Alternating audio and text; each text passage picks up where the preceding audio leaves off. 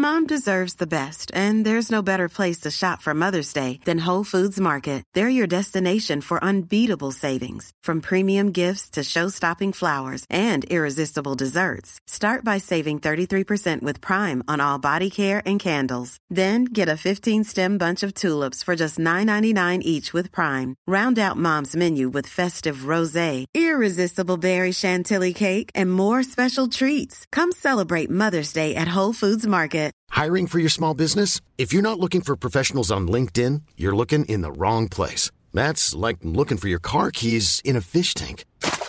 LinkedIn helps you hire professionals you can't find anywhere else, even those who aren't actively searching for a new job but might be open to the perfect role. In a given month, over 70% of LinkedIn users don't even visit other leading job sites. So start looking in the right place. With LinkedIn, you can hire professionals like a professional. Post your free job on linkedin.com slash people today.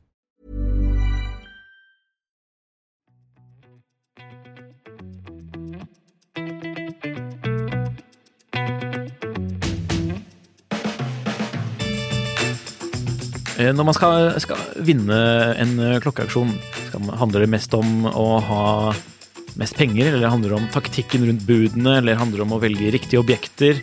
Eh, det kan være vanskelig å kjøpe klokker på auksjon eh, generellt. generelt. Og i denne episoden av Klocklandslaget, Klokkelandslaget, en podkast fra Finansavisen i samarbeid med tidssonen.no, skal vi snakke nettopp om auksjoner. Og for å lære mer om det, så har vi rett og slett bare tatt kontakt med en av klokkeauksjonssjefene i Europa. Han heter Mikael Wallhagen, er fra Sverige og er da sjef for altså Han er head of watches for eh, Sotheby's, og da i Europa. Og Mikael, du er utdannet urmaker, ikke sant? Det stämmer alldeles utmärkt det. Ja. Jag utbildade mig till urmakare först och främst på 90-talet. Um, klar och färdig 1995. Ja. Da var da jeg ble født. Så Då känner man sig gammal. det var ikke meningen. Men så har det jo gått eh, Det har skjedd mye siden den tid, både på auksjonsmarkedet og i livet ditt, vil jeg anta, sånn, og det profesjonelle livet. Eh, hvor eh, s- liksom, eh, tidlig gikk du fra å være urmaker til å være inne på auksjonssiden? Jag, jag började då som urmakare 1995 på en uraffär som heter Rob Engström som ligger i Stockholm som säljer Rolex och Patek Philippe och många av de andra eh, bästa märkena. Och eh, där jobbade jag som urmakare i fyra år. Eh, jag fick möjligheten att åka ner till Rolex på kurser och Patek Philippe och många andra märken. Eh, Men kände väl hela tiden att eh, jag drogs ner lite till butiken och ehm, ville vara med och förklara för kunderna vad de köpte egentligen. Så att när butikspersonalen hade något att fråga om så att säga tekniskt, då ropade de på mig. Och, och ehm, ja, det slutade med då att efter fyra år så fick jag erbjudandet om att bli butikschef i den butiken. Eh, och sen så jobbade jag vidare fem år som butikschef eh, på Rob Engström. Därefter så hade då mitt samlarintresse och mitt intresse för vintageklockor väckts under tiden och jag hade börjat följa de stora auktionshusen nere i eh, Europa och världen. Eh, framförallt Genève var det ju då på den tiden.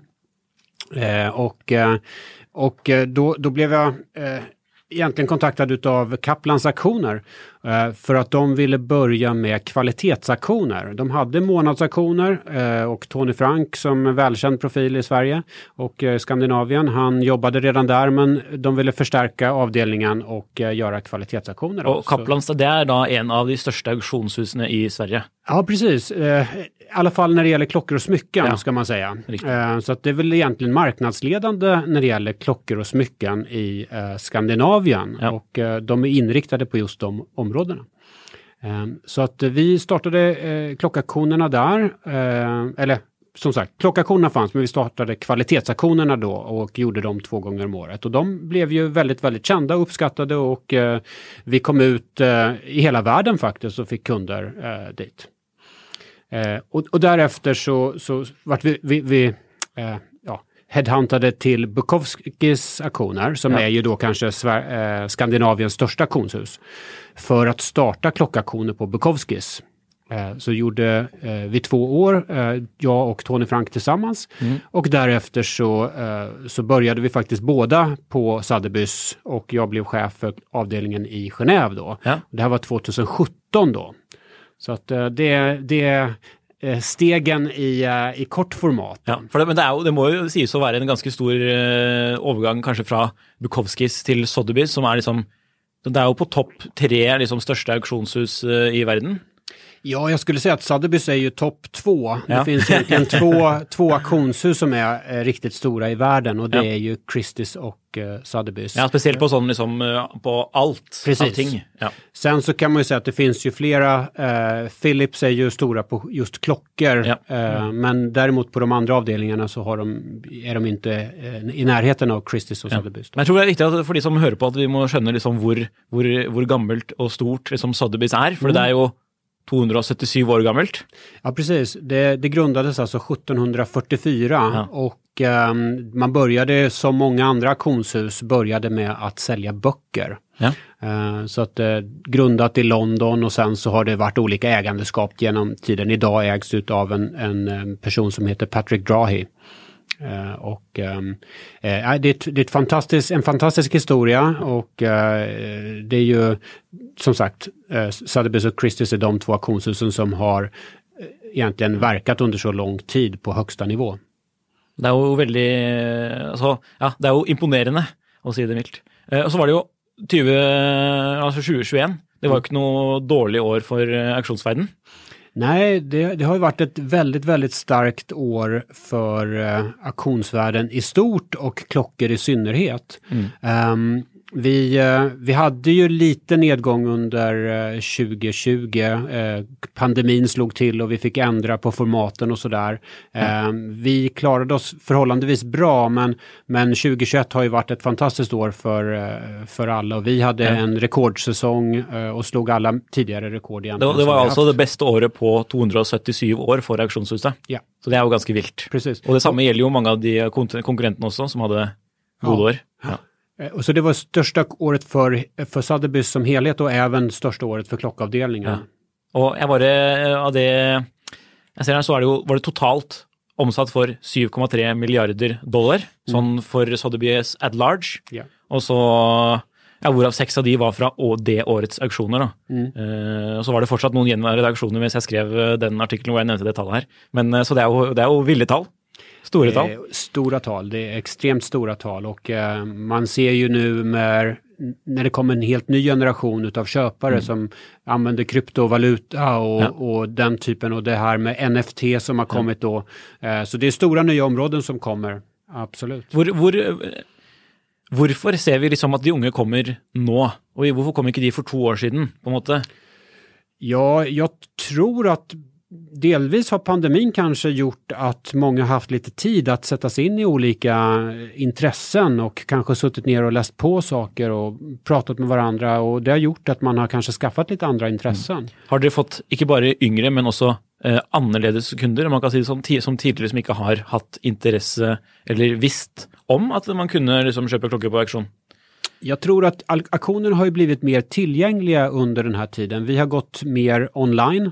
Eh, många auktioner har eh, man eh, livestreamat så att man kunnat gått in och tittat på auktionen på Youtube och andra mediekanaler. Ehm, så att istället för att man kanske har ett, ett rum i London där det sitter 300 personer som är inbjudna så har vi då haft kanske en publik på 150-200 000 på samma auktion. Eh, Alla är ju inte köpare men, men det hjälper ju att sprida, sprida ordet. Då. Ja, for det har også vært sånn økning i eh, skal vi si, som antall budgivere, antall registrerte budgivere, og, eller på, og, liksom across the board, Across the board, ja, Ja. absolut. Och, och, och det jag tror som sagt, vi har fått eh, väldigt mycket reklam eh, i, i sociala medier och eh, online överhuvudtaget under de här åren när man inte har kunnat göra så mycket fysiskt. Så auksjonen er, eh, kommer opp. Har du kjøpt noe på auksjon før, eh, Jon Henrik? Det har jeg faktisk ikke. Og, men, og jeg tenker også litt sånn at for, for mange klokkeinteresserte i Norge, så tror jeg fortsatt det er litt sånn eh, Det er en litt sånn eh, skjult sånn eh, tak eller sperre fra det å liksom selge noe Både det å selge noe på auksjon og det å kjøpe noe på auksjon. At det fortsatt er litt ukjent terreng.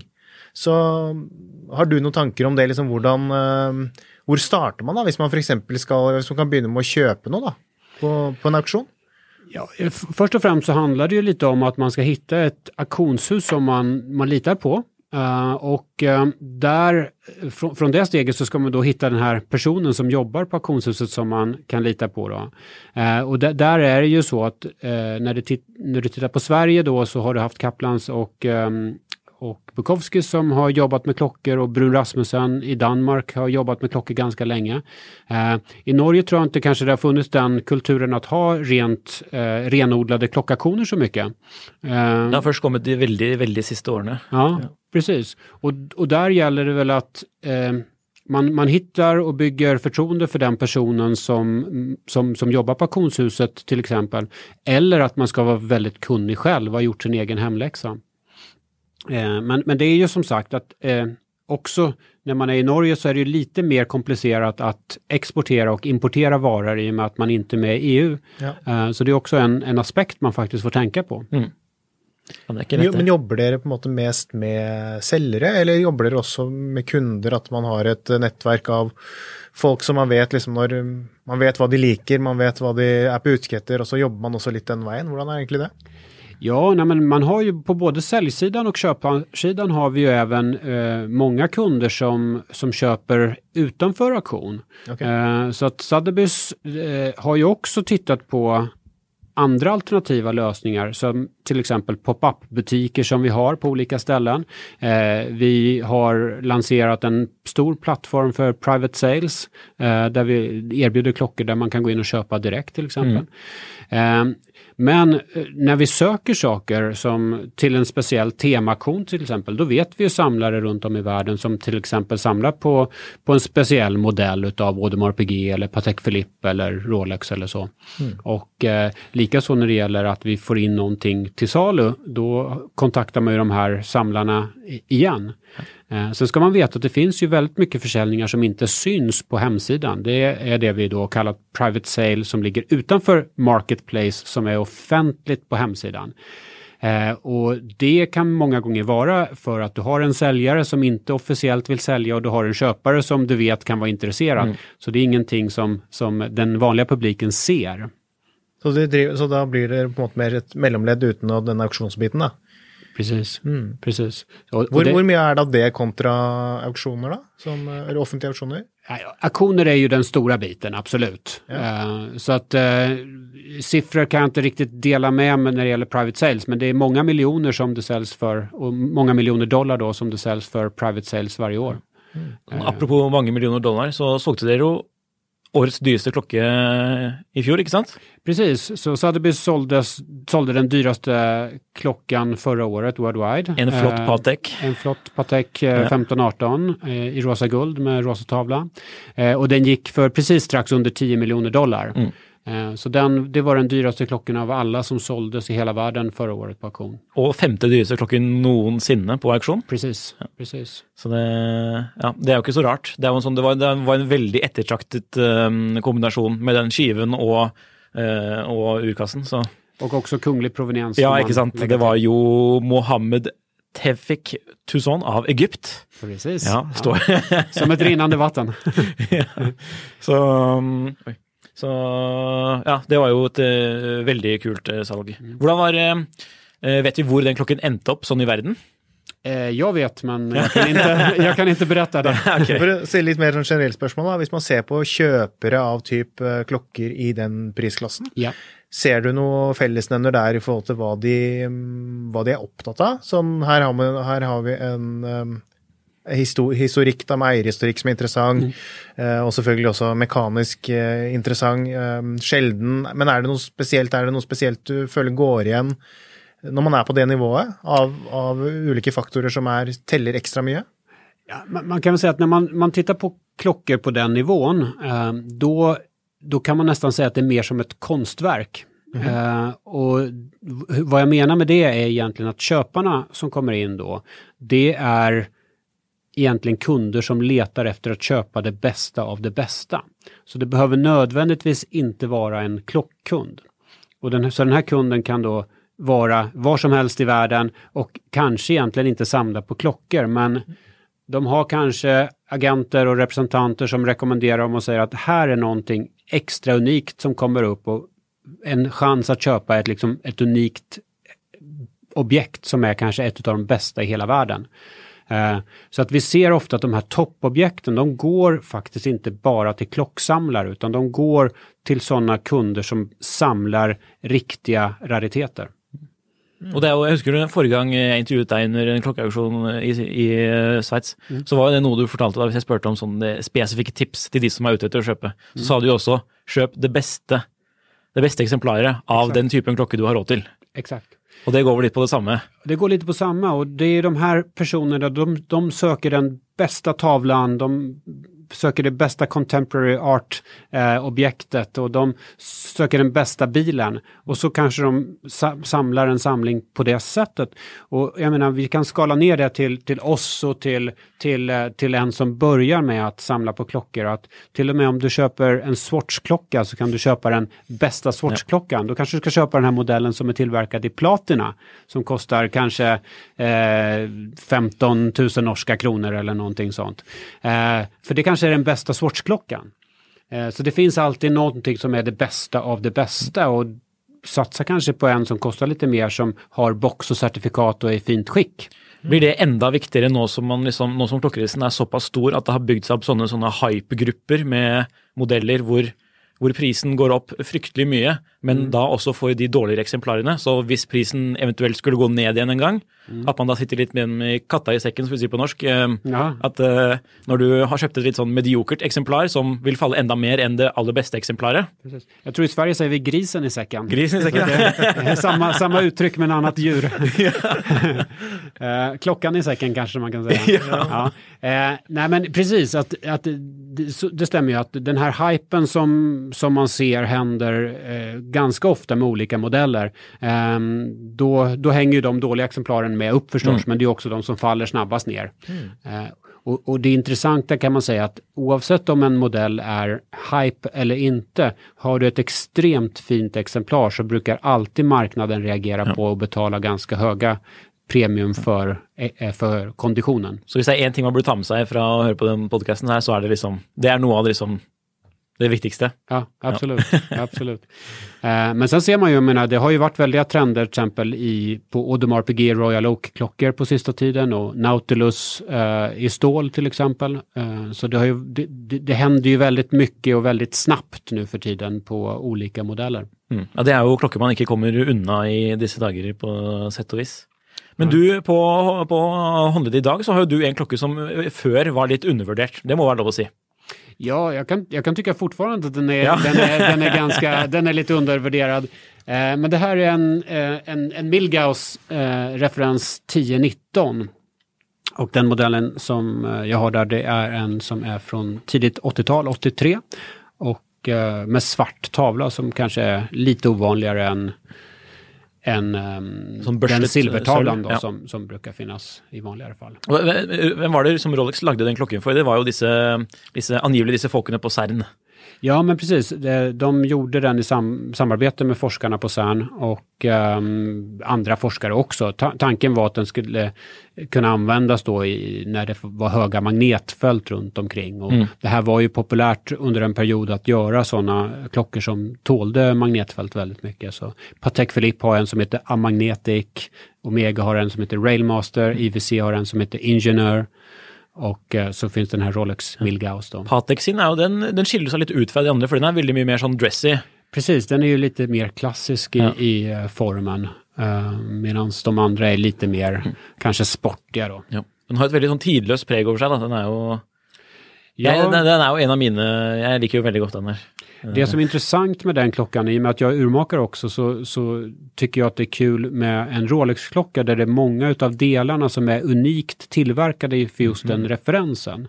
Det finns eh, element eh, det finns element i urverket eh, som är unika, det finns visarna är unika, boetten är unik och så vidare. Så att det, den är väldigt ovanlig för att vara en Rolex. Mm. Och så har den denna fina med liksom ett par små röda detaljer och, som Precis. Icke är att förakta på Vintage Rolex. Ja, exakt, precis. Det är många som uppskattar de röda detaljerna. Rätt, rätt kul. Men blev den också blev den producerad det samma året som den blev sålt? Uh, känner du till det? Eh, Om för det, det var, ju- dette var jo ikke en veldig populær modell på sin tid, var det det? Nej. Nej, det var det ju inte. Så- Utan, eh, jag tror att den här modellen kom i 1968 om jag inte har fel. Nu tar jag det top of my head. Eh, och ehm, den tillverkades i väldigt små eh, kvantiteter fram till slutet på 80-talet. Eh, men inte alls populär klocka så att säga. Og så en annen ting å se etter hvis man liksom vil lete etter fremtidige klassikere. Mm, precis. Nej, så att det tycker jag fortfarande är en, en undervärderad klocka som, eh, som ja, man kan försöka lägga vantarna på om man har chans. Ja. ved, ved neste Sotheby's-aksjon. Ja, precis. Ja, Men går, går det noe har særlig dem- av de? Vad sa du? Har hatt noen særlig av de oppe i det siste?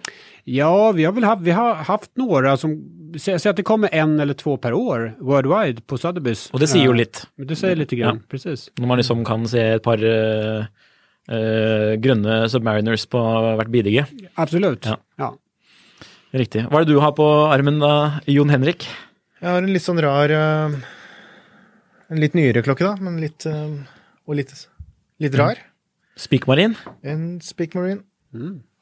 Har du noe forhold til det merket, Mikael? ja, men det är också ett märke som vi ser ganska sällan på auktion faktiskt. Ehm, men eh, intressant eh, historia och en intressant klocka, absolut. Hvordan var det du fikk komme på denne? Nei, jeg, bare, jeg så den på nettet, og så var det bare noen klokker som man bare ser, og så den må jeg ha. og så var jeg litt treig, fordi den her ble laget i 2000 og, jeg lurer på om det var 2005 eller noe sånt nå. Ja. 2000, kanskje litt senere, 2006. Um, det var i hvert fall mens Peter fortsatt var i Speak Marine, Just så det er jo gamle Speak Marine, det er Ja. ikke de nye som er av atskillig då- dårligere kvalitet. Nei da. Men um, Så jeg måtte gjøre en skikkelig leterunde, og klarte til slutt å lokalisere et eksemplar. Så um, det var vel det siste som var igjen, for, for det gikk via mange som jeg hørte rundt hos forhandlerne. Det er 8, 68 eksemplarer som er laget av den. Ja, ja. Så um, Det er en sånn klokke som er en sånn hjørnestein i samlingen din, er det ikke det?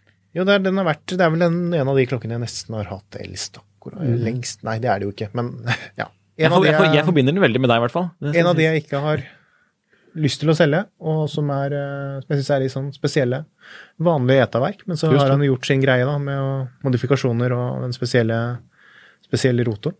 Så det er en litt sånn kul, eh, kul annerledes klokke, og 38 millimeter. Den bærer jo litt, litt større, vil jeg si. Ja. På grunn av den tykke og, Og litt sånn, rare eh, lugsene. Ja, nå sier vi rar mye, men den er, Ja. den er jo litt rar. Så rar betyr jo noe veldig annet på svensk, da, så Ja. det høres kanskje litt rart ut. Men. så, ja. Hva med deg, Nikolai? Jeg har? Jeg har på meg en klokke som jeg kjøpte på auksjon i Genéve. Ikke på, noe, ikke på Sotheby's eller noe stort auksjon, det var bare på den lokale finn.no-siden. Jeg husker ikke hva den heter. Genève Angers? Eh, nei, det er, på, det er sånn, sånn, typ sånn nettrubrikksalg. Typ Blocket. Ja, ja, okej. Ja, ja. Eh, Eh, den, eh, Ricardo. Ja. Jeg kjøpte den på auksjon på Ricardo. Det er en gammel Longines fra 47, eller 43. 43 er den fra. Eller 41. Noe der. Tidlig 40-tallet. Eh, og Longines er jo veldig snille, for de gir jo deg alt sånn historikk på klokken, og de kan til og med sende deg originale katalogbildet fra 40-tallet gratis, og du får gratis tilsendt et sånt lite brev med på sånn fint papir hjem som viser historien til klokken, hvor den ble solgt. Og den her ble solgt i Italia da, på den tiden. Og den, jeg tror den har et referanse heter 5031. Eh, så det høres jo nesten ut som det skulle vært noe av Patek Philippe. Men eh, noen sier jo at, det, at de, noen kaller jo de litt sånn Calatrava-modeller, disse her. For den er jo litt stor for sin alder. Eh, men eh, likevel, den er vel 35 mill. eller 36 millimeter, om jeg ikke husker helt feil. Men en veldig morsom klokke. På bildene på Ricardo da, så, så den jo fryktelig medtatt ut med masse sånn grønn gunk på baksiden. Og, uh. Ja. Så den eh, har jo vært en god tur innom urmaker, for å si det sånn. Men, men det kan man ju säga, tycker jag, att både Longines och Omega, där får man ju otroligt hög kvalitet för pengarna som man betalar. Eh, så det finns ju, de har ju haft en väldigt stor produktion på 40, 50 och 60-talet, ända fram till kvartskrisen egentligen. Och ehm, tittar man på de, de uren man får och förhållande till det man betalar så, så får man ju fantastiska klockor. Kan, kan man, kan man liksom fremsette et, eh, påstand om at eh, det Longines eh, lagde den gangen, er mer liksom prisverd, om man kan si det på svensk, eh, dagens versjon? Absolut, det tycker jag. jag tycker jag. Eh, så att tittar man på de här urverken då som, som de här gjorde på framförallt tycker jag 60-talet och 50-talet. Då, då det är det riktigt, riktigt hög kvalitet och många gånger så kan man nästan jämföra det med de finare märkena som Patek Philippe och Vacheron Constantin och Audemars Piguet. Speciellt om man ser på kronografurverkene fra Longines som 13 ZN och sånt. Ja. ja, och det räknas ju idag som ett av de bästa urverken som har gjorts genom alla tider när man pratar kronograf. Och så är det otroligt pent att se på. Mm, ja.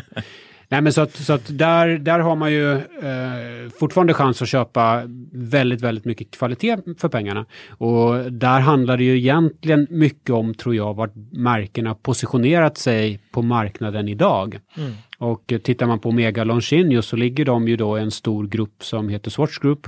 Och där har man ju valt att lägga märkena på lite olika nivåer och det avspeglas ju också på marknaden, mm. eh, samlarmarknaden då. Uh, vi kan jo dra det litt tilbake til auksjon, for jeg har, veldig, jeg har i hvert fall mange auksjonsspørsmål. Jeg vet ikke med deg, Jon Henrik? Nei, jeg hadde bare lyst til å spørre deg om en ting. fordi eh, Angående eh, Longin, så var vel det kanskje også Men det var vel også kanskje litt høyere priset relativt før enn det det er i dag, hvor det kanskje er litt mer uh, entry level-merke. Ja, jeg mener du har lest om at det ble gjort en undersøkelse på 30- eller 40-tallet hvor man spurte amerikanere om hva slags merke de mente var liksom den beste kvaliteten fra Sveits. Mm. Og da ble ikke Rolex uh, nevnt først, men det var Longin. Mm. Så det er litt morsomt. Ja. Eller Det var liksom det som var brandet som var top of mind mm. fra det landet. Angivelig. ja, och ganska välförtjänt skulle jag säga också. Och um, självklart, jag menar Patek Philippe har ju varit det märket som har levererat högst kvalitet utav alla märkena utan att ha ett avbrott utav produktionen. Uh, man har tillverkat klockor sedan 1839 mer eller mindre på högsta nivå. Och uh, det är ju unikt i sig men det är väl också därför de är positionerade som det, det finaste man kan ha egentligen. Sen så finns det ju alla de här independent-märkena då där man har ytterligare högre kvalitet men det är svårt att klassa det som ett sånt worldwide brand som folk känner till. Va? Hiring for your small business? If you're not looking for professionals on LinkedIn, you're looking in the wrong place. That's like looking for your car keys in a fish tank. LinkedIn helps you hire professionals you can't find anywhere else, even those who aren't actively searching for a new job but might be open to the perfect role. In a given month, over 70% of LinkedIn users don't even visit other leading job sites. So start looking in the right place. With LinkedIn, you can hire professionals like a professional. Post your free job on linkedin.com slash people today. There's never been a faster or easier way to start your weight loss journey than with PlushCare. PlushCare accepts most insurance plans and gives you online access to board-certified physicians who can prescribe FDA-approved weight loss medications like Wigovi and Zepbound for those who qualify. Take charge of your health and speak with a board certified physician about a weight loss plan that's right for you. Get started today at plushcare.com slash weight loss. That's plushcare.com slash weight loss. Plushcare.com slash weight loss.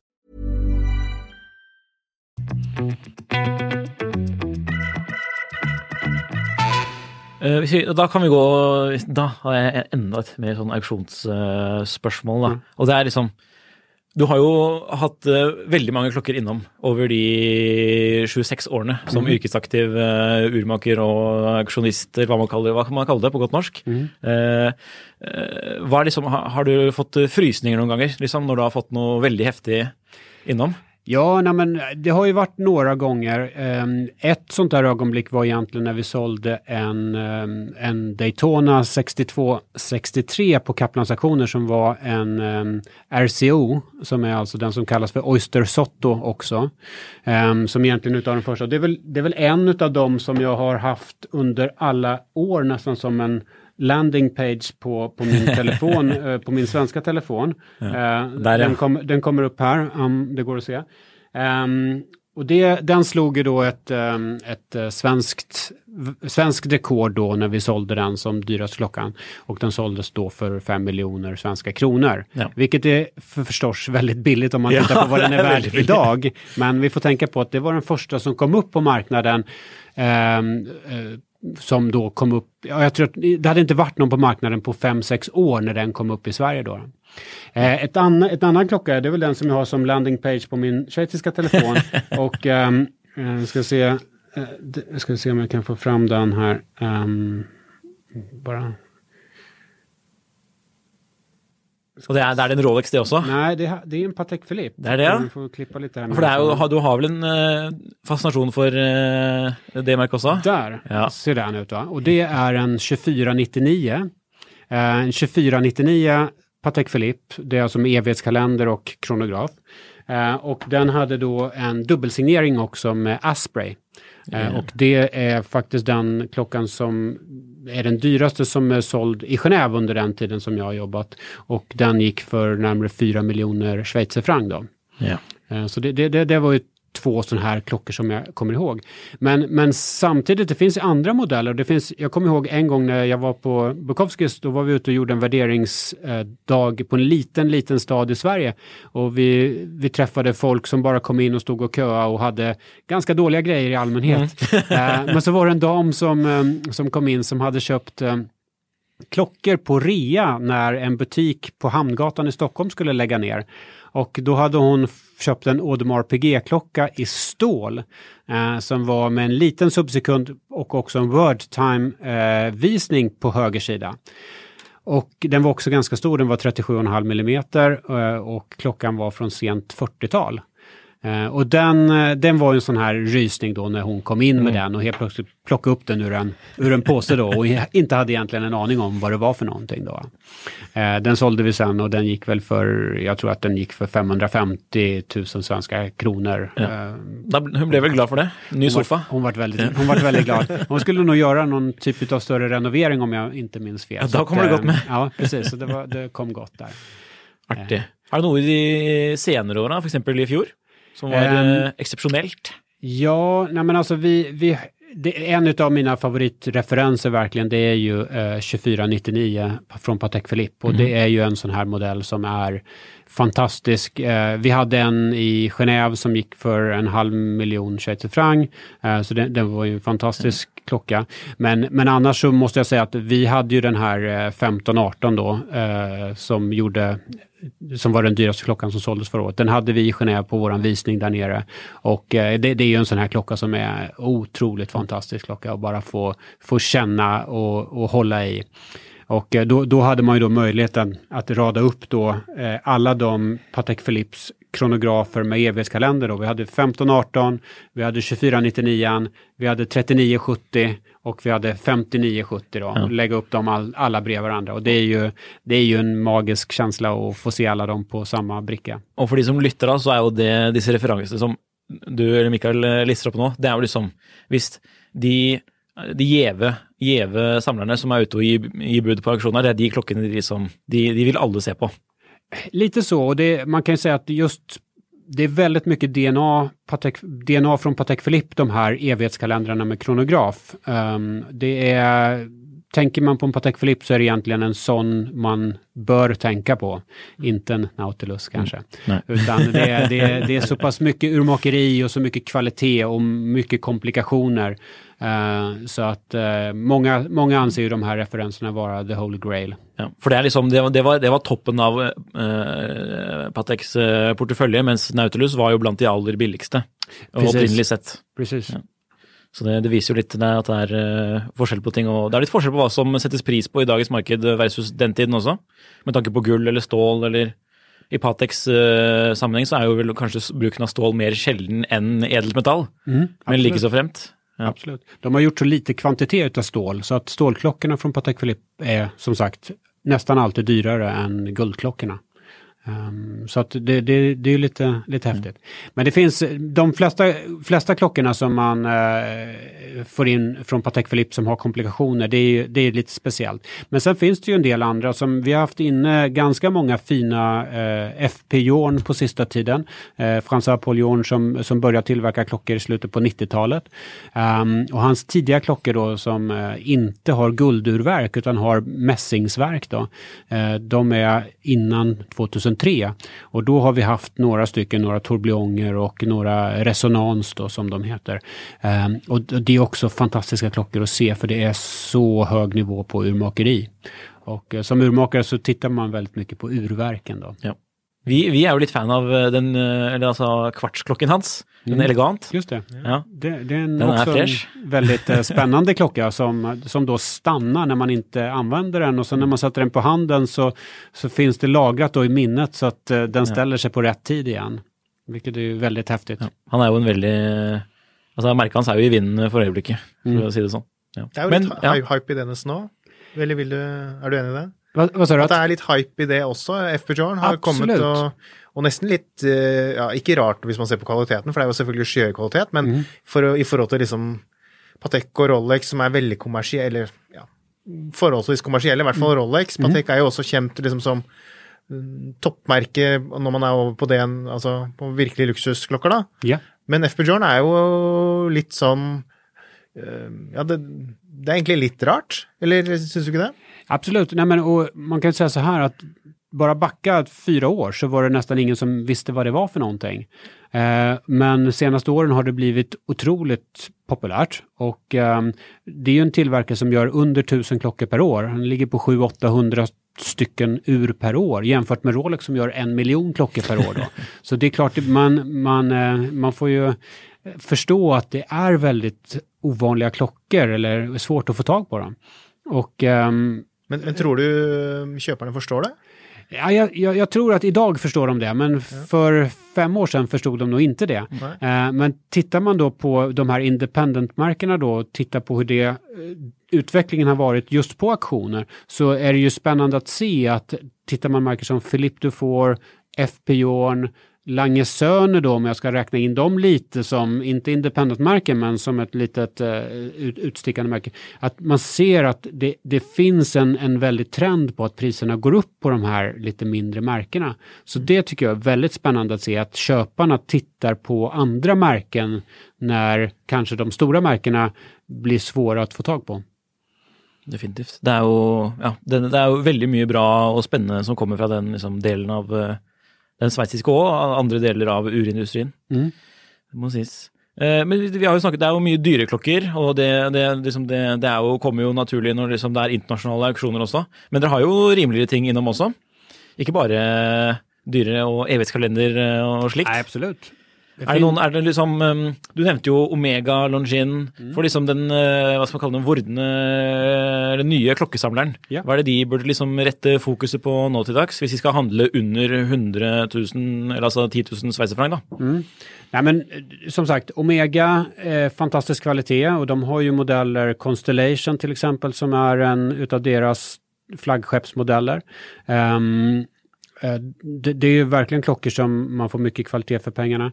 Eh, sen har ju de klassiker som Omega Speedmaster och jag menar man får ju en, en fin Speedmaster om man inte ska ha en speciell referens kan man ju få för ja, 40-50 000 norska kronor. Um, och den kan ändå då vara lite, lite samlarvärde på den då, kanske från 80-90-talet eller någonting med tritiumtavla.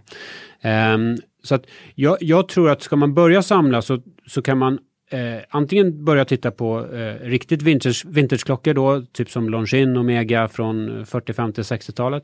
Men en spännande kategori utav klockor som jag tycker man ska titta på om man nu vill ha en klocka som man också kan använda det är att titta på eh, olika märken. Eh, det kan vara Omega, det kan vara Tag Heuer, det kan vara Rolex, det kan vara eh, eh, ja, eh, ja, Longines till exempel då. Eh, men titta på de klockorna som gjordes på 90-talet kanske, eller tidigt 2000-tal. Eh, många, många då eh, började ju med tritium, eh, eller hade tritiumtavlor på 80-talet och eh, ja, 70, 80 och 90-talet. Och sen så var det många som slutade med tritiumtavlorna och gick över till Luminova-tavlorna runt 98, 99, 2000. Jag tror att de här klockorna som då är i fint skick och kompletta med box och certifikat och är då från ja, 95 med, Med tritium. Det är någonting som tror jag kommer komma ganska starkt om en kort framtid. Da må vi jo ikke glemme IWC heller, føler jeg. IWC, precis. Ja. Som Jättebra att du sa det. den overgangen der. Absolut. Ja. Och tittar man på deras pilotklockor då som de Yes. gjorde och Mark, Mark eh, 11, Mark 12 eh, och de modellerna med tritiumtavla. Där ser man redan idag att det börjar, det börjar hända saker då. Med priserna. Det er jo din uh, favorittera, er det ikke det, Jon Henrik? Jo, er det, jeg er litt sånn forkjemper for det, da. Jeg, eh, jeg må innrømme at jeg er ikke helt på den vintage uh, Altså, vintage, nå går jo årene, så snart så er det jo vintage det som Absolutt. er 99 eller 90-tallet også, men Absolutt. Men uh, liksom fra 90-tallet og rundt tusenårsskiftet er jo liksom der hvor jeg syns det er mye um, spennende. Og vi har jo også lagd liksom en sånn term for det. Vi kaller det for glemte helter. For det er de klokkene som er for gamle til å være det hotte, kule. Men så er de for nye til å være i vintage-kategorien, da. Ja. Og, det er det, og der, der føler jeg det er mange som, som uh, ja, Man begynner å se det litt. Eh, kanskje litt i finere dressklokker og sånn. Parmigiani, Chopard, eh, eh, Roger Dubuis, tidlig Dubuis. eh, men, men fortsatt ganske sånn under radaren. Ikke så mange som følger, følger det markedet. Ikke så mange som interesserer seg så veldig for det. Men eh, som jeg også tror kommer å komme mer og mer, da. Nej, men jag, jag håller med dig och intressant att du tog upp Chopard där. Eh, Jag var nere på eh, Chopardfabriken för inte så länge sedan och de har ju en modell som heter LUC eller LUC Ja. som är med egentillverkade urverk och de firar 25 år i år, eh, 2022. Och ehm, tittar man på de tidigare LUC-modellerna då som heter 1860 eh, så börjar det hända rätt mycket saker där. Det var, tidigare fick man tag på dem för ja, 5-6 tusen franc ehm, och nu är det svårt att hitta dem under 10 000 franc. Så att Det- man ser det går ganska snabbt på de här då som, som vad, vad du kallar dem? Eh, Glemte helter. ja. Vi, vi er også veldig store fan av den uh, Ja, den har LUC-kolleksjonen vi nevnt flere ganger som en Ja. av, de, en av de liksom som å følge med på, da. Snart skjer det noe. Og det, er- for det er jo eksepsjonelt sånn også eh, I Norge, i hvert fall, da, hvor vi er, henger kanskje litt etter. Men der er det jo liksom Chopard. Nei, det er et smykkemerke. Og det selger jo nesten ingen nye Chopard-klokker ut av butikk. Det er jo kjempelite. Eh, vi har vel bare én forhandler, tror jeg, av klokken i Norge. Og, så de fleste tenker på det som smykkemerke, men så ser man på, på den 1860-modellen f.eks., og man ser på håndverket. Det er håndfinisjert, det er eh, Geneva-sil, det er eh, Jeg tror vel også de, de tidligste eksemplarene er vel også mm, håndgraverte i forhold til kass... Oi sann, slår jeg bort mikrofonen. Eh, kassen er, eh, har hånd, håndgravert eh, eh, tekst og, og tall og sånn. Ja. Og det er jo ting som er helt uvanlig, og Absolutt. ting som er på kjempehøyt nivå. Men så er det ingen Eller nå er det jo noen som begynner å følge litt med på det, da, men det er fortsatt flyr ganske eh, godt under radaren for, de, for liksom mainstream, i hvert fall. Absolut, och de har ju, det finns ju två referenser där. En som är kronometertestad och en som inte är det tror jag. Och det är väl den som är kronometertestad som man egentligen ska försöka hitta då. Men den, Ja. den, den kostar lite grann. Men även den som inte är kronometertestad, den kan man hitta lite billigare. Då. Nej, det, är, det är ett fantastiskt eh, märke och, och fortfarande familjeägt. Och, eh, när, jag var, när jag var nere nu eh, för några veckor sedan och, eh, och hälsade på dem så träffade vi Carl Fredrik Schäufele som är en av ägarna. Och de visade upp en ny eh, minutrepeterklocka och, och jag vet inte ens om jag får säga det här men det gör jag ändå, det är ju Norge. så att, eh, de hör inte det kanske. Eh, men där de hade gjort själva klangfjädrarna i safirglas. Oi. Så att de har skurit ut då och när de visade, när de, den slog då, så det var precis som någon skålade i ett glas, att det, den här kristallglasen. De har alltså skurit ut då de här klangfjädrarna på minutrepeterklockan i safirglas. Det var Tufft. bland det häftigaste jag har hört på har hört någonsin. Alltså. Nej, det, det, den finns bara som prototyp på fabriken. Jag tror att de släpper den nu, kommer släppa den nu i april då, Watches and Wonders. Og søs søsteren hans, eller til eh, sjefen der, er jo, som er, også er co-CEO, er hun ikke det? Co-president, Ja, co-president, ja. Og, men hun er veldig involvert i eh, damekolleksjonen også. Precis. Det er jo spennende, en da, nei, eh, et klokkemerke med spennende damekolleksjon også. Så for de som deler inn Virkelig eh, sånn eierfamilie hvor, hvor, det, hvor det er et genuin passion for det de driver med. Og Absolut. det er ikke sånn kjempevanlig, egentlig. Nei. Så det er jo spennende. Og med uh, Schøfle eller Carl Fredrik, han eh, med Ferdinand Berthaud Så det er jo åpenbart det at det, han har en veldig passion for Mm. eh, og, og, og klokker på et veldig høyt nivå. Verkligen. Han till och med hade ju öppnat ett galleri nere i Monaco för att eh, och bjudit in då andra urmakare att sälja i sitt galleri där han då säljer Ferdinand Berton. Eh, så de bjudit in då Moser och, och eh, jag tror MBNF och um, Grübelen Forsey. ja, och Da er det en del godt andra. eh, selskap. Ja, Ja. precis. så att, eh, men det tycker jag är ganska gentilt då som, som ägare utav ett märke att man bjuder in då eh, kollegor då. Det blir ju för att sälja i samma galleri. Absolutt. Hvis man, eh, hvis man har lyst til å kjøpe noe på auksjon nå, da, og jeg ser eh, Og dere skal jo ha klokke Dere skal jo være med på vårauksjonen i Genéve, dere også. Og hvis jeg ser noe da på katalogen deres online, hvordan blir jeg kunde? For de som lytter. Hvordan, hvordan, hvordan, hvordan eh, registrerer jeg meg? Hvordan kan man liksom gi bud? Ja, nej, men man får, ju, man får ju registrera sig. Så att nu nästa, nästa aktion eh, kommer vara nu i London i slutet av februari. Eh, och sen så kommer eh, efter det kommer vara i Paris i eh, slutet av februari, början av mars. Och sen kommer vi till Genève i maj då. Däremellan gör vi en stor auktion i Hong- Hongkong då i april. Ehm, Men för att registrera sig då, man går in via hemsidan och det man behöver lä- lämna då är ju sin, eh, sina vanliga uppgifter, namn och adress och så vidare och sen en kopia på legitimation. Och sen så måste man också eh, hos oss bevisa att man bor på den adressen så att man får skicka in en liten räkning från eh, vattenbolaget eller elbolaget där det står sitt namn och den adressen. Så man blir sjekket. Man blir lite checkad. Eh, och eh, sen finns det ju någonting som heter eh, Premium Paddle. Om man ska bjuda på miljontals eh, dollar, då måste man eh, kanske till och med skicka in ett, ett bankstatement och visa att man har råd att betala för sådana saker. Så att det är ganska lätt att, eh, att köpa på auktion. Eh, och ehm, eh, det, det är egentligen bara att gå in och registrera sig och sen så eh, vara med och bjuda och ha lite kul. Det man ska tänka på att när eh, en vara klubbas så kommer det en köpprovision på toppen. Så att eh, ofta är det så om något går för 10 000 så betalar man då 12 600 eh, för att det kommer 26 procent på toppen.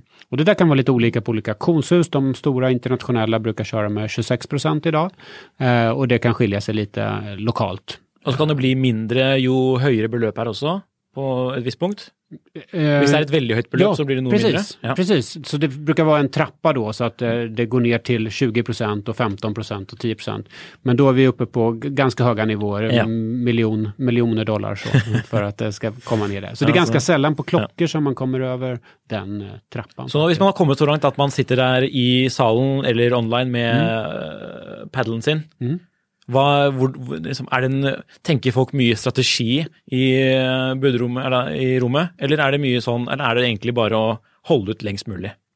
Ja, alltså många gånger så är det strategi och tittar man på on- online-auktionerna så är det ju många som eh, börjar bjuda ganska tidigt. Uh, tittar på de som är professionella och duktiga, då kommer de ofta in ganska sent. Risken om man går in sent är ju att man glömmer bort det. Och man missar auktionen, det har jag själv gjort flera gånger. Inte på Sotheby's just kanske, men, eh, men just att man, man helt enkelt, oj, nu glömde jag bort den dagen och den tiden. Ehm, men, men jag tycker som strategi ska man ju först och främst kolla upp objektet. Man ska läsa allting som står i objektet. Det finns något som heter condition report där man beskriver eh, skicket på klockan. Och det kan ju faktiskt vara så, eh, även vi som auktionshus, även om vi försöker göra att de flesta klockorna fungerar. Men eh, det kan ju vara så att vi säljer en klocka som inte går också. Eh, och tittar man lokalt så är det ju ganska vanligt att det säljs klockor som inte fungerar. Precis som du Nikola be- berättade, du köpte en klocka som inte fungerar. Eller behövde göra service på Ja, den, den fall. fungerte ikke i det hele tatt. Nej. Ehm, och, eh, så så det, det är någonting man ska vara jättenoga med när man köper på auktion, att ta reda på exakt vad är det jag köper. Och eh, är det inte tydligt på beskrivningen så ska man fråga specialisten. Ofta finns det ett namn där som man kan mejla eh, och ställa följdfrågor då. Og man kan, det er vel gledelig å komme og se fysisk på klokken også på dagene før. Absolut, de flesta har ju visning och sådär. Um, och eh, vi har ju alltid en, en visning eller också får man begära tid. Det har varit lite olika nu under pandemin. Men eh, som i London och i Paris och Genève nu så kommer vi ha stora, stora visningar. Och, uh, jag vet att du Nicola har ju varit på de visningarna i Genève och uh, jag vet inte om ehm, du Jon Henrik har Nei, varit på... meg så langt. Det veldig Nei. spennende. Ja, det, det är kul är det. Alltså, och, och man kan ju säga också så här att nu om vi pratar klockor, smycken, konst eh, tänk, och tänk på Sotheby's så eh, i allmänhet, är man i London till exempel så är det ju nästan alltid någon visning som pågår på Bond Street. Och det är ju nästan som att gå in liksom och, på ett museum. Ja, precis. Och, det, och det, det är rätt häftigt för att man, man får verkligen se det bästa av det bästa när man går in där och är med på en visning. Ehm, så att ehm, det, det tycker jag tycker jag verkligen man ska passa på om man är i New York eller Paris eller, eller London. eh, att, att gå in på de här och kolla om det är några visningar på de stora auktionshusen. För då, då har man chans att se eh, väldigt mycket. Så hvis man er så heldig at man får tilslaget på, på den klokken man har lyst på, da, det, da betaler man i tillegg til den prisen salær, og så er det eventuell lokal sales tax. Precis, precis. Og så, hvis du eventuelt så kan du jo, Når du har betalt, så kan du bare dra og hente klokken hos dere, eller få den hentet, nei, eller shippet. Precis, då kan man ju beställa och få den skickad eh, och eh, sköta import på det sättet. Eller också kan man eh, åka och hämta den och då är man ansvarig att sköta, sköta det själv helt Mm. enkelt. Så att, så det, det är ju en, det är inte så svårt egentligen. Men der, tror du, er, det, er det noen som, Hvis man er helt fersk, tror du alle er liksom kjent med alle de ekstra kostnadene som følger med til, til tilslagsprisen? Eller hammerprisen, da, som man kaller det. Det finns ju exempel egentligen nästan på varje, eh, speciellt kanske varje online-auktion, att vi har folk som inte vet hur det fungerar som, som är med och, och bjuder. Så. Eh, så då får man bita i det sura äpplet kanske då om man har, har missat det. Då. Och, så att man ska läsa allting vad som, vad som kommer till då. Eh, och det är ju så, när det gäller auktioner så är det ju så att säljaren betalar en provision när man lämnar in för försäljning och köparen betalar en provision när man köper. Så att, eh, och den köparprovisionen är alltid samma för alla. Säljarprovisionen kan, kan variera lite grann beroende på vad man lämnar in och sådär. Og hvor mange, kanskje, eller om Och man leverer inn en hel och, samling. och, och så, ja. precis. Ja. Ehm, Riktig. och där har vi ju nu, jag menar vi har ju en representant här i Norge som heter eh, Brundtland och Crosby som, som eh, ansvarar för inlämningen när det gäller eh, all, alla auktionsobjekt när det gäller både klockor och eh, smycken och, och konst här i Oslo. Så att det är ju de jag kommer och besöker när jag är här. Ja, for du er jo, Vi må jo forklare for lytterne at eh, grunnen til at Mikael er i Oslo, det er jo ikke bare for å snakke med oss, men eh, fordi du har eh, en sånn sånn vurderingsdag hos en Ja. lokal da. Mm. Så da kan folk komme med sine objekter og spørre hvor mye tror du jeg kan selge den her for? Og Precis. har du lyst til å selge den eller ikke? Ja. så då kommer vi att jobba hos Erik Sutterud, uh, urmakeri, och så, så kommer vi träffa både hans och våra kunder och sådana som har anmält intresse att eh, visa upp någonting då. Ja. Eh, och sen så kommer om några veckor så kommer eh, en kollega till mig från Genève som heter Jessica och titta på smycken. Eh, och, Och kinesisk eh, konst. Och kinesisk Ja. konst, precis. Det är inte hon som tittar på det men det kommer en specialist från London då. Så att det, det kommer besök löpande eh, från eh, hela eh, Sotheby's och olika avdelningar och besöker Brundtland Crosby och, och eh, tittar och gör värderingar då. Men det har vært veldig informativt å få vite mer om eh, auksjonsverdenen. Altså. Vi har en siste sånn avsluttende fast spalte, hvor vi liksom forteller om en eh, klokke som vi følger med på nå selv. da. Og, eller om det, er en, det kan være en nyhet, eller noe som kommer på auksjon, eller noe vi har sett på Finn eller Blocket Eller noe man eller har lyst til å Bukowskis. kjøpe privat, noe man Ja. følger med på, noe man eh, har lagt merke til. Ja, har, du, er det, har du en klokke som du liksom er ute på, litt på utkikk etter selv om dagen? Um, ja du, det, jag jag tittar, tittar ju ganska mycket men jag skulle faktiskt vilja ha, det finns en klocka som um, eh, Cartier gjorde på mitten på 70-talet. Eh, så den är nästan årsgammal med mig då, mm, 75. Eh, som är en tank jumbo. eh, som är med ett automatiskt urverk. Så det är en, en klassisk tank men den är väldigt stor då för att vara och så har den ett automatiskt urverk. Och den ser man ganska ofta i gult guld, men jag själv skulle vilja ha en sån i vitt guld. Eh, Så det är någonting som jag håller lite utkik och letar efter. Jag har väl sett ett par stycken komma upp, men jag har inte lyckats eh, eh, ja, Tøft. ta, ta, ta en sån till mig än så länge. Så det, det är en klocka som jag, som jag tittar lite efter. Mm. Hva med deg, Jon Henrik? Um, jeg har kanskje nevnt det tidligere også, men jeg er jo ekstra nå på å kikke litt på et um, ganske moderne merke som heter HIT. Uh, de gikk jo konkurs i um, Jeg husker ikke hva det ja, det var i fjor. I fjor, jepp, I fjor jepp. sommer. Rundt der, ja. ja. Og dette er jo sånne spesielle klokker som har eh, timevisning ved hjelp av eh, farget væske. Og det å kjøre service, og du er urmaker, kjøre service Ja. og få deler og sånt på noe sånt, det er jo ikke akkurat så, kanskje så lett hvis selskapet går konk. Så mm, hvis man har hatt lyst på eller syns dette er kule klokker, så er jo nå en litt eh, bedre periode å kanskje revurdere det igjen, fordi ja, for noen dager siden, i hvert fall nå når vi spiller inn nå, så har jo dette mm, selskapet gjenoppstått. Med en ganske spennende, spennende CEO som heter Davide Serato, som tidligere har jobbet for, eh, for Tudor og Montblanc og, og Panerai og gjort veldig mye bra ting der. Så det er et merke som på en måte nå er, er tilbake, og hvor man sannsynligvis da får gjort service og, og den type ting hvis man skulle finne en brukt klokke, da, eller en, en av de tidligere. Um, så det er liksom mitt tips nå, da, hvis man er interessert i den type veldig moderne, uh, moderne um, klokker. Se litt på HIT, og se på det litt mer positivt, at det kanskje er mulig å kjøpe, at det kanskje ikke er helt dumt å, å gjøre det heller. Hva med deg, Nikolai? Åh, det Jeg vil bare gjenta noe som ble sagt uh, av dere begge her i stad, og det er jo Chopard LUC. Mm. Det er jo en kolleksjon som har vært over en god del år, med mye rart også, men det tidlige, altså det 90-tall, det er mye kult der, altså. Så uh, jeg vil bare be folk om å følge med på det, for det, det gjør i hvert fall jeg. det finnes jo en modell som heter Sport 2000 som er veldig trevlig, tykker jeg. Ja, som er, veldig, som er jeg vil anta, sporty. mm. Ja, er, det er en trevlig modell. Om jag får lägga till ytterligare ett märke så skulle jag också slå ett litet slag om man gillar vintageklockor men vill ha en lite modernare klocka. Så, mm. så köpte jag alldeles nyligen eh, utav ett märke som heter Furlan Murray, eh, Genève. Och det är alltså ett litet startup som de har bara hållit på åtta månader. En kille från Genève och eh, eh, som har ett samarbete med en från Mellanöstern. Och eh, de beställer alltså grejer från Asien och eh, sätter ihop dem. Men de liknar väldigt mycket gamla vintage Patek-kronografer. Så du, du har köpt en sån? Ja, precis. Jag har, har lagt beslag på det. Det är Seiko-verk, är det inte det?